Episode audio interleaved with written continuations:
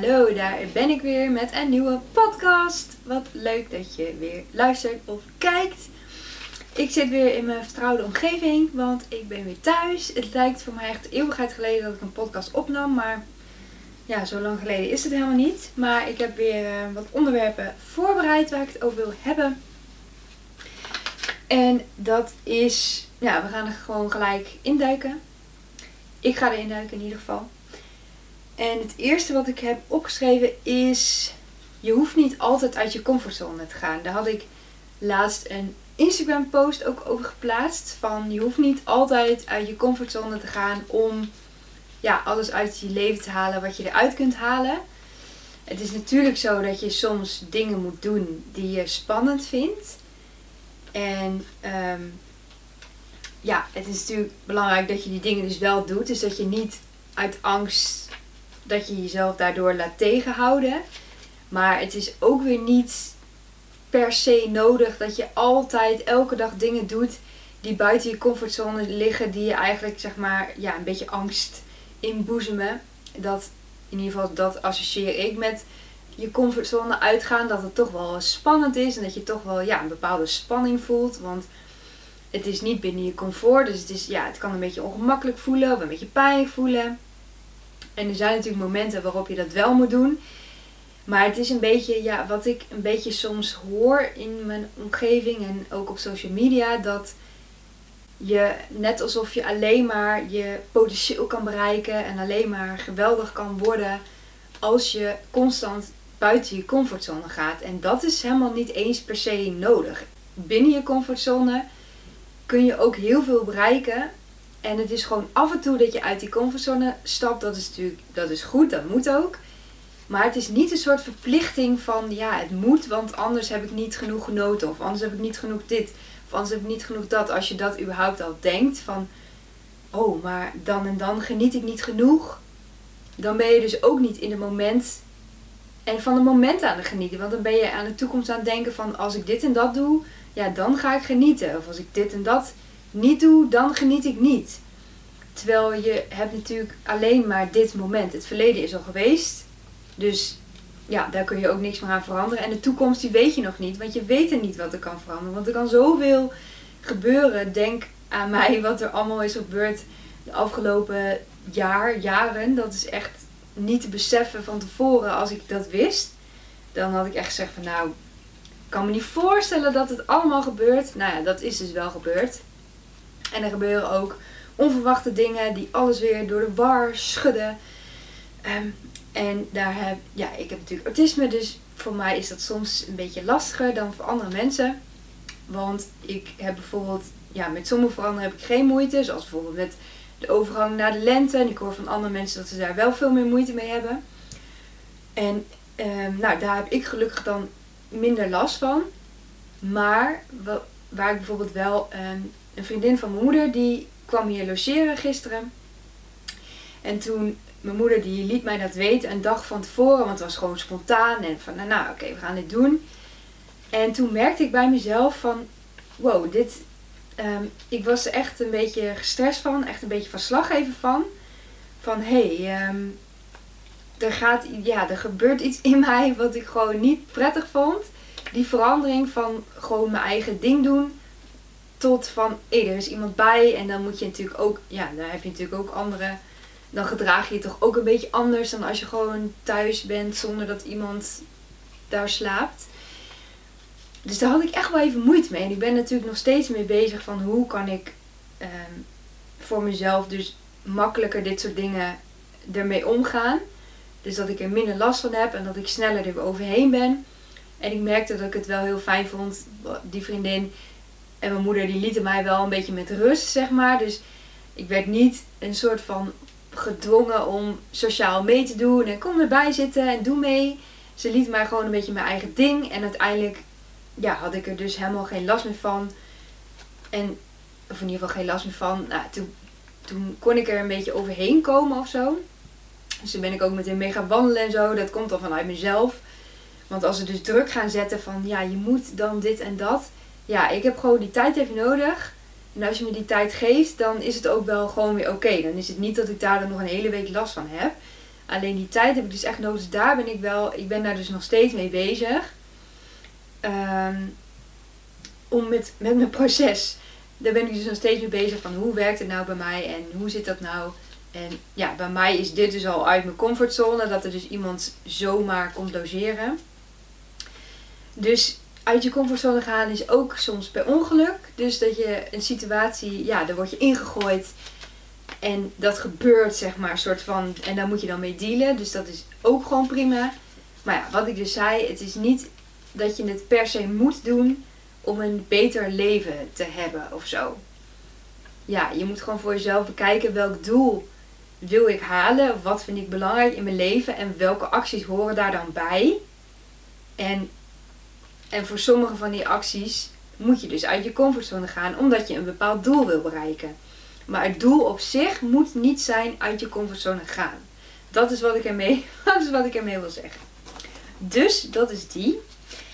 En dan heb ik nog dat het. Oh ja, daar had ik net het al een klein beetje over. Dat ik dus nog steeds bezig ben met werken aan mijn proces. En dat ik nog steeds, dus ook met het autisme, dat ik elke keer weer dingen te weten kom van wat werkt wel en wat werkt niet. En dat blijft ook een constant proces. Maar wat wel heel goed, um, of wat ik wel nog wilde laten weten, is nu lijkt het ook heel goed met mij te gaan. En dat gaat het ook. Dat merkt mijn omgeving ook heel erg dat het goed met mij gaat. En dat heeft misschien deels te maken met het weer misschien ook wel. Dat het nu ietsje, een soort, dat we richting de lente gaan. Dus dat ik ook eraan te denken dat dat misschien meespeelt. Maar vooral dat ik echt meer dan twee jaar lang aan mezelf heb gewerkt. Dat heeft er zeker mee te maken. Want nu lijkt het, nu gaat het dus goed. Nu zie je dat het goed gaat. Maar er is ook echt een tijd geweest dat het gewoon echt niet goed ging. Gewoon echt niet. Dat ik gewoon moeite had om gewoon uit bed te gaan en gewoon actie, überhaupt actie te ondernemen. Ik kon gewoon om alles zomaar gaan huilen. En ik voelde me ook echt gewoon down. Nu, ik kan me nu eigenlijk bijna niet meer voorstellen hoe dat voelde. Alhoewel dat, die voorstelling, ja, dat gaat eigenlijk nooit weg. Maar het lijkt wel gewoon heel lang geleden of zo. Terwijl eigenlijk is het helemaal niet zo lang geleden. Maar ook wel, want twee jaar lang heeft het dus geduurd. Meer dan twee jaar voordat ik dus weer een beetje op de been ben. En nu ben ik er nog steeds niet. Want ja, ik heb gewoon nog wel een proces te gaan voordat ik echt helemaal weer vol zelfvertrouwen en ja, helemaal vol in het leven kan staan. Dus dat wil ik ook even meedelen. Dat je ziet nu van mij dus heel veel goede dingen. Van het gaat goed en, en dit en dat. Terwijl het is voor mij echt niet makkelijk geweest om hier te komen. En heel veel mensen die willen veranderen of die voelen zich niet goed. En dan denk je dat het inderdaad nooit meer goed komt. En het komt wel goed, maar het duurt gewoon veel langer en veel langer dan je zelf ook denkt. Want ik had van tevoren ook niet gedacht dat het zo lang zou duren voordat ik zeg maar überhaupt weer. Nu voel ik mezelf als een soort van start van een nieuwe periode waarin ik weer, ja, weer positiever in het leven kan staan of zo. Dat klinkt wel heel heftig allemaal. Maar um, ja, ik wil dat gewoon laten weten van een eerlijk verhaal. Van het is niet allemaal roosgeur en het is niet allemaal geweldig opeens. Want vaak willen mensen ook voor dingen. Er is een probleem in hun leven en ze willen een quick fix. En dan willen ze snel weer verder. En dat is helaas niet zoals het gaat. En vooral als je dus psychische klachten hebt, ook zoals een burn-out bijvoorbeeld. Het kan ook echt zo lang duren voordat je weer een beetje de oude bent. En wat ik ook hoor in mijn omgeving. Ehm, en het is zo lastig omdat als je gewoon een gebroken been hebt, dan ben je dus zo weer, dan weten mensen van hoe lang het duurt. En ja, als je dus een psychisch iets hebt, wat mensen dus vooral niet aan je zien, dan is het ook heel lastig om uit te leggen. Maar het is ook voor jezelf ook wel lastig, omdat je denkt van ja, waar heb ik nou eigenlijk last van? En het zit gewoon tussen mijn oren en ik moet me daar maar gewoon overheen zetten. En al die gedachten die je hebt van, nou, ik stel hem gewoon aan. En maar dat is allemaal sowieso niet waar. Want als je ergens last van hebt, dan heb je ergens last van. En of anderen dat nou zien of niet. En dat is ook, je hebt ook mensen die hebben bijvoorbeeld rugpijn die gewoon onverklaarbaar is. Wat gewoon nergens aan te herleiden is. Of die gewoon nergens te, ik weet niet hoe ik het moet zeggen. Maar die in ieder geval niet een, een fysieke oorzaak daarvan gevonden kan worden. Maar toch ervaren ze wel die pijn. Niemand, je kunt het niet bewijzen. Het is niet waarschijnlijk wel met hersenmetingen dat, dat je dus kunt aantonen dat, dat er dus wel ergens pijn is. Dat je hersenen dus wel pijn registreren. Dat kun je echt wel via hersenonderzoek uh, tonen ze dat wel aan. Dat mensen dus echt die pijn ervaren. Maar het is gewoon niet te verklaren waar die pijn dan vandaan komt. En dan is het dan misschien, misschien psychisch, of misschien ook niet. Misschien is het gewoon dat je er echt nog niet achter bent, omdat het menselijk lichaam gewoon heel eh, moeilijk is om te begrijpen. Maar ook al is het psychisch, je ervaart die pijn alsnog. Dus het is niet zo dat je dat gewoon maar kan negeren en dat je dan gewoon door kunt gaan met je leven. Je moet daar iets mee doen. Je moet daarmee aan de slag. Je moet ervoor zorgen dat je ja, iets met je mindset, dat er iets gaat gebeuren dat je dus minder last hebt van die pijn. Ook al is het psychisch, ook al is het helemaal psychisch en heb je fysiek nergens last van, maar vaak vertelt je lichaam je fysiek ook wel dingen, bijvoorbeeld met burn-out, dat mensen echt fysieke klachten ook hebben. En met heel veel andere psychische aandoeningen is fysieke dingen, ja, die geven ook wel echt aan dat er iets niet klopt, zeg maar. Dus vaak is er wel, ja, is sowieso interactie tussen lichaam en geest. Maar, waarom zei ik dit? Ja, dat het dus moeilijk is om te bevatten van, ja, er is wel iets aan de hand en daar moet ik mee aan de slag. En dat kan heel lang duren voordat ik daarmee klaar ben. Want ik ben dus ook dat boek nog steeds in bezig, want het is gewoon een boek waarin je eigenlijk ehm, door de week heen bepaalde oefeningen, en ik doe echt gewoon rustig aan, doe elke dag werk ik eraan. Maar dat boek staat ook heel vaak van dat je even reflectie moet doen van hoe Ehm, dat je nog wel aandacht wil besteden aan je doel. En dat je er gewoon tijd in moet investeren en daarmee bezig moet zijn. En dat is gewoon belangrijk. Dat je blijft investeren in jezelf beter voelen. Want als je er dus niks aan doet, dan kom je er dus ook niet. En volgens mij had ik dat vorige keer gezegd. Of een keer eerder. Als je doet wat je deed, krijg je wat je kreeg. Nou, ik kan niet vaak genoeg zeggen, want het is gewoon zo dat als je iets wil veranderen in je leven, dan moet je jezelf ook veranderen. Want ja, anders ga je gewoon door op hoe je ging. En ja, en nu we het trouwens over eerlijke verhalen hebben, zag ik laatst een post van, ik weet niet of ik je naam goed uitspreek, maar Danisha van Mijn Groene Vensterbank. En zij heeft echt een super toffe Instagram account, dat wil ik sowieso zeggen. Maar zij had ook een hele mooie open post over dat het misschien iets minder goed ging. En ik vind het zo fijn dat mensen, dat het gewoon openlijk gedeeld wordt en dat er meer openheid over is en dat het ook zo goed ontvangen wordt. Dat je daar ook echt fijne reacties op krijgt. En dat wilde ik gewoon even delen. Dus ik wilde haar nog even in het zonnetje zetten van ja, ga vooral zo door met openheid en ja, sowieso wat je doet met Groene Vensterbank account. Die dingetjes die je maakt en verkoopt en dat vind ik allemaal super leuk. Dus dat is sowieso een, een, um, ja, een aanrader, hoe zeg ik dat? Maar vooral die post, ja, daar was ik echt door geraakt, zeg maar. Dat het, ja, ik vond het gewoon echt heel mooi. En ik dacht, ja, dat wil ik zeker even meenemen in de podcast. Omdat, ja, het is gewoon zo belangrijk. Ik zie het een beetje als mijn missie ook om open te zijn en eerlijk te zijn over mentale gezondheid en hoe het gaat. En dat het helemaal niet zo erg is dat je dat je tegen dingen aanloopt of dat je met dingen worstelt. En dat, het, dat je zeg maar niet het gevoel hebt dat je alleen bent, omdat mensen dus best wel de schone schijn ophouden. En nou ja, vooral dus op social media zie je dat heel erg, dat dat gebeurt. En dat doe ik zelf dus ook best wel. Alhoewel ik dus ook wel, dus zoals in deze podcast, dingen deel waar ik bijvoorbeeld onzeker over voel. Of dat ik dus echt wel periodes heb gehad waarin ik me echt gewoon slecht voelde. Alleen dat is natuurlijk niet leuk om op social media te plaatsen. Want dan zien mensen het eerder als een soort van aandachtskreet. De hond blaft. Ik weet niet of je dat hoort, maar. Ehm, maar dat is ook weer niet de bedoeling. Het is niet de bedoeling om aandacht op mezelf te vestigen, maar meer de aandacht op laten we samen open zijn en ja, laten we daar samen aan werken of zo. Ja, dat vind ik wel, dat zie ik wel een beetje als mijn missie. Gewoon openheid, een beetje taboe doorbreken. Niet alleen over autisme, maar dus ook over alle andere stoornissen die er zijn. Ik vind nog steeds, ik, zeg, ik, zeg, ik heb het ook al een paar keer gezegd, maar ik vind stoornis echt zo'n negatief woord. ja, misschien ehm, kunnen we daar niet iets anders op verzinnen. Ik bedoel, is het niet een ander woord. Er moet toch iets zijn wat gewoon minder, hoe zeg je dat, stigmatiserend is. Wat minder ja, heftig is. En wat ik ook trouwens wel heftig vond, dat ik laatst een berichtje las, of een nieuwsbericht, van een man die op de Zuidas een heel duur appartement van 2200 euro of zo huurde. En die, eh, die had wel last van psychische dingen, waardoor hij echt dag en nacht aan het schreeuwen was. En dat de buren daar echt gewoon heel erg last van hadden. En, maar dat die man gewoon eigenlijk geen hulp krijgt. Dat dat op de een of andere manier, dat dat niet gebeurt. En misschien kreeg hij ook wel hulp. Ik heb natuurlijk ook niet. Nieuwsberichten zijn vaak best wel ja, eenzijdig en niet het hele verhaal staat erbij.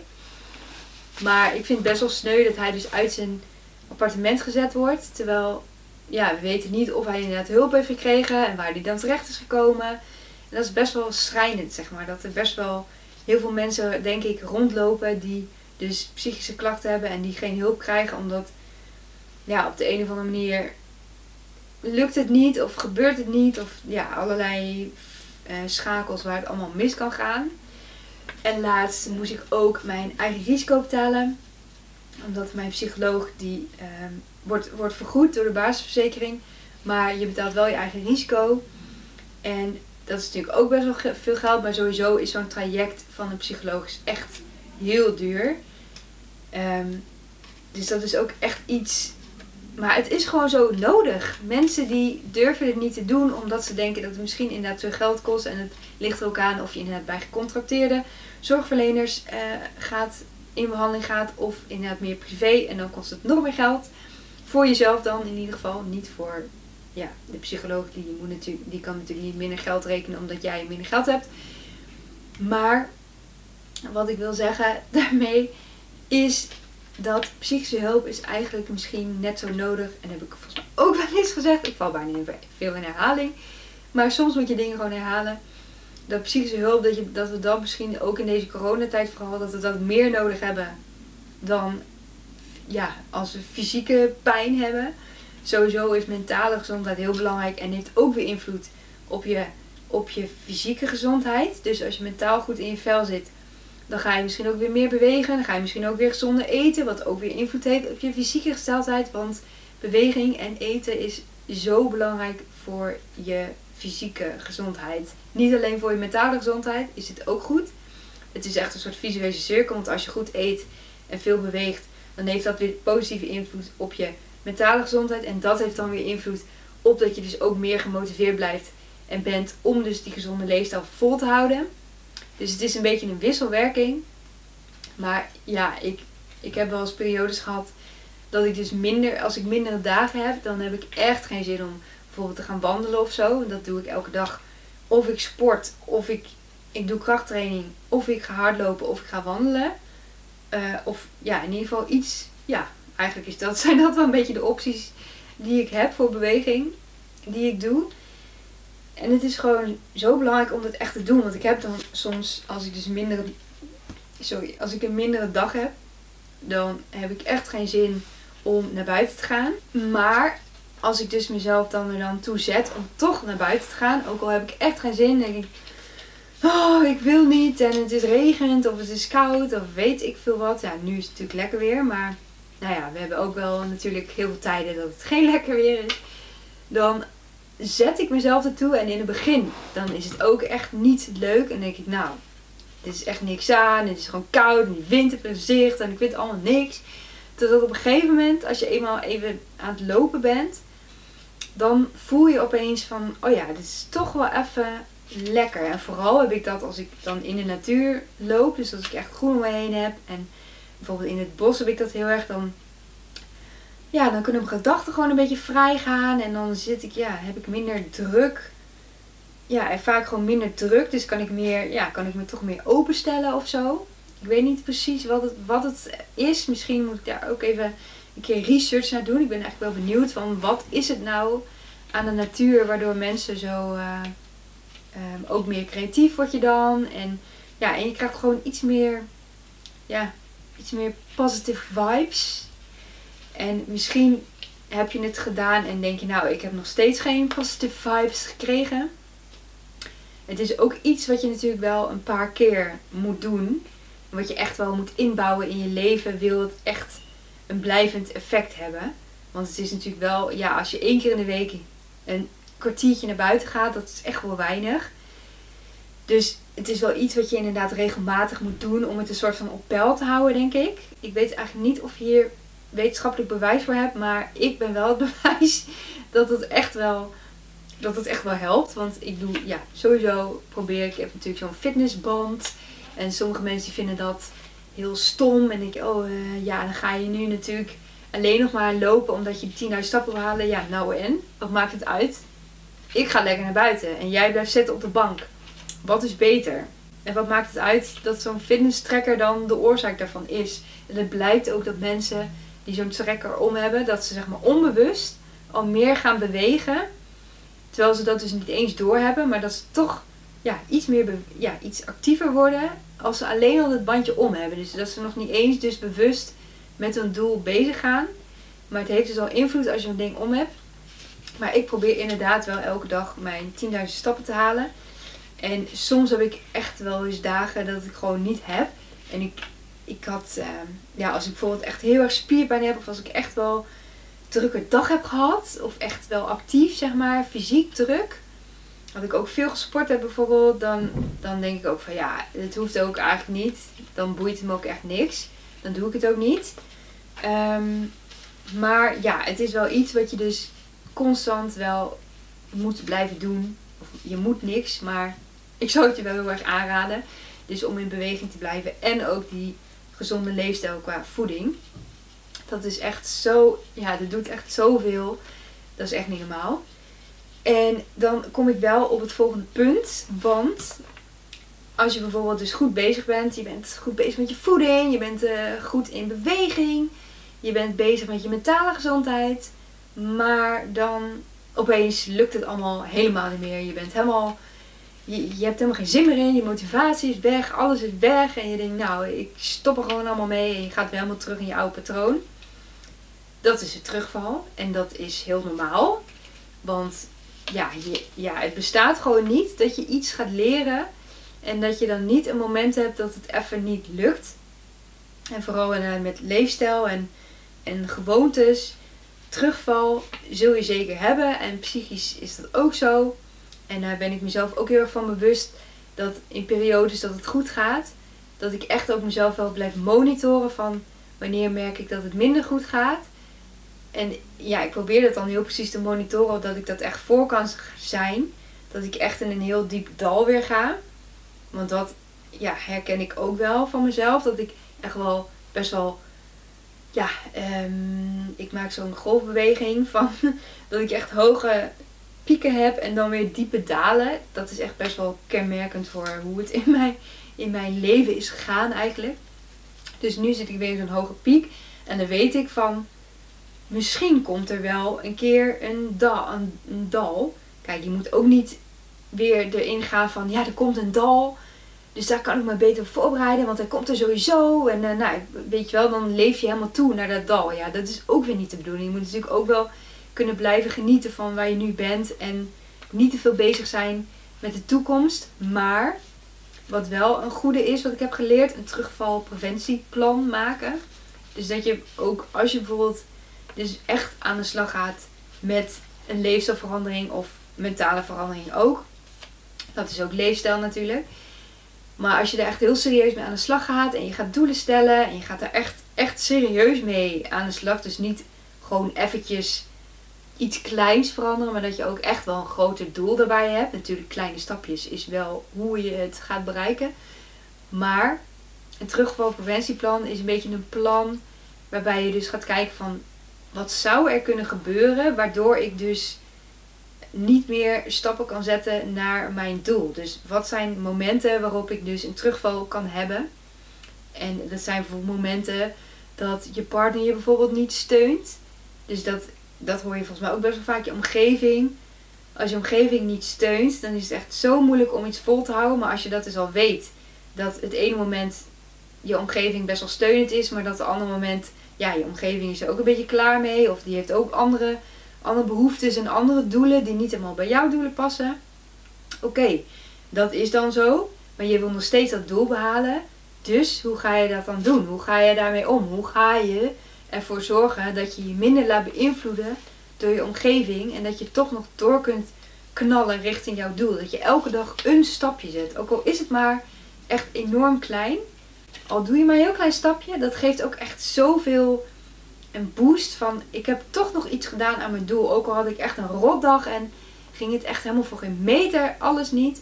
Ik heb toch nog een stap naar mijn doel gezet. En dat geeft echt zoveel motivatie om juist ook door te gaan. Omdat je weet van, zelfs als het dus echt minder gaat, ben ik nog steeds in staat om iets te doen aan mijn doel. En dan is het misschien wel dat je, want dat kun je ook nog doen, dat je dus acties hebt uh, die je wilt doen om je doel te bereiken.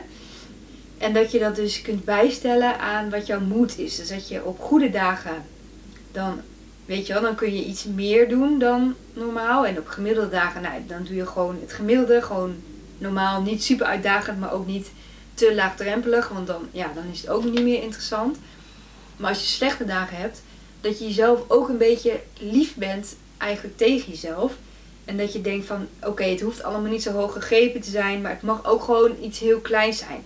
Dus op een grote dag zet je zo'n stap, op een normale dag zet je zo'n stap en op een op een mindere dag zet je echt gewoon een mini stapje. Dat is gewoon prima, want je gaat in ieder geval door. Want als je eenmaal stopt, dat heb je ook bijvoorbeeld, nou ja, had ik bijvoorbeeld met hardlopen. Als je dan, ik zag langs de weg een, een oké, okay, dit is best wel sneu verhaal, maar ik zag een dode roodbosje. En toen stopte ik zo heel abrupt. Maar dan merk je dat je spieren dat helemaal niet, vinden dat helemaal niet fijn. Dat je dan opeens stoppen die, ja, je moet zeg maar wel stapjes blijven zetten. Om die spieren een beetje, weet je wel, tot de rust te laten komen. En daarna kun je ook gewoon weer verder gaan. Maar het is dus niet goed om opeens zo bam te stoppen. Want dan is het ook heel moeilijk. Dat, dat is bijvoorbeeld een ander voorbeeld met wandelen. Als je dus, of ja, gewoon sowieso als mensen, je hoort ze toch wel, of je, je hoort ze, je hoort in je omgeving toch ook wel eens iemand zeggen van ja, als ik eenmaal op de bank ga zitten, dat moet ik niet doen, want dan kom ik niet meer overeind. Kijk, dat is dus net zoiets als met je doelen. Als je eenmaal een dag geen stap zet, dan kom je dus niet meer overeind. En is het heel moeilijk om weer zeg maar gewoon verder te gaan. Terwijl als je gewoon door blijft lopen, maar gewoon hele kleine pasjes, of misschien zelfs op de plaats, maar wel passen zet, dan is het veel makkelijker om dus ook de draad weer op te pakken. En als je één keer een terugval hebt, als je een keer een dag hebt van het lukt echt niet, dan moet je ook niet boos op jezelf zijn. Het is natuurlijk het doel om, om in beweging te blijven, letterlijk en figuurlijk. Maar als het een keer niet lukt, dan is het ook weer goed om niet te boos te worden op jezelf, omdat dat ook alleen maar zorgt voor extra demotivatie. Omdat je wordt je boos op jezelf en dan, nou, dan denk je laat helemaal maar zitten. Terwijl, ja, je kunt elke dag weer ook opnieuw beginnen. Dus dat is natuurlijk ook waar je wel aan moet denken, wat je niet moet vergeten. Dus dat. En dan wil ik als laatste wil ik nog een post van de Psychologie Magazine. Dat sluit hier wel een beetje bij aan. Die hadden een post, wat ik gewoon heel, gewoon, die wilde ik gewoon even delen. Dat fouten maken, dat dat mag. Je mag fouten maken, net zoals een terugval. Je mag een terugval hebben, maakt helemaal niet uit. Je mag fouten maken. Had ik laatst in mijn stories, had ik een gedichtje geschreven. En toen had ik twee woorden omgewisseld met elkaar. En toen had ik het gewoon kunnen verwijderen en opnieuw kunnen plaatsen. Ik kwam er pas een paar uur later ook achter dat ik überhaupt een fout had gemaakt. Maar ik had het kunnen verwijderen en gewoon negeren van, weet je wel, nee, ik heb geen fout gemaakt. Maar ik heb het gewoon erin gezet, erin gelaten en een extra post achteraan van, oeps, foutje gemaakt. Het is gewoon heel menselijk om fouten te maken. Het mag, je leert ervan ja, word niet boos op jezelf als je een fout maakt. Word niet boos op een ander als hij een fout maakt. Kijk, als het nou heel bewust is, dan is het natuurlijk een beetje van, ja, dat is niet de bedoeling. Maar als iemand zijn best doet en hij maakt een fout, dan, ja, dan kun je wel bespreken van hoe gaan we dit volgende keer beter doen, enzovoort, enzovoort. Maar om dan boos te worden op iemand of op jezelf helemaal, dat is gewoon niet de weg uh, die je wil bewandelen om ja, om een gelukkiger leven te hebben. En dat willen we natuurlijk allemaal. En dan ben ik ook nog steeds naar op zoek naar, ook naar mezelf. En naar hoe ik mezelf het beste kan inzetten in deze wereld. Dus ik hoop dat je weer wat aan deze podcast hebt gehad. Het, ehm, ja, ik ben weer een beetje off-topic gegaan, zoals altijd. maar dat is op zich prima. Want zo ben ik nou eenmaal. En ja, ik vind dat ik wel een onderwerp goed moet bespreken in plaats van kort en dan dingen half. Dus daar ben ik ook wel van. Dan ga ik er nu mee stoppen, want anders duurt het veel te lang en dan is het niet meer leuk om te luisteren. En dan zie je me snel weer, hoor je me snel weer. Tot de volgende keer en bedankt voor het luisteren, kijken en ja, bedankt echt waar. Doei!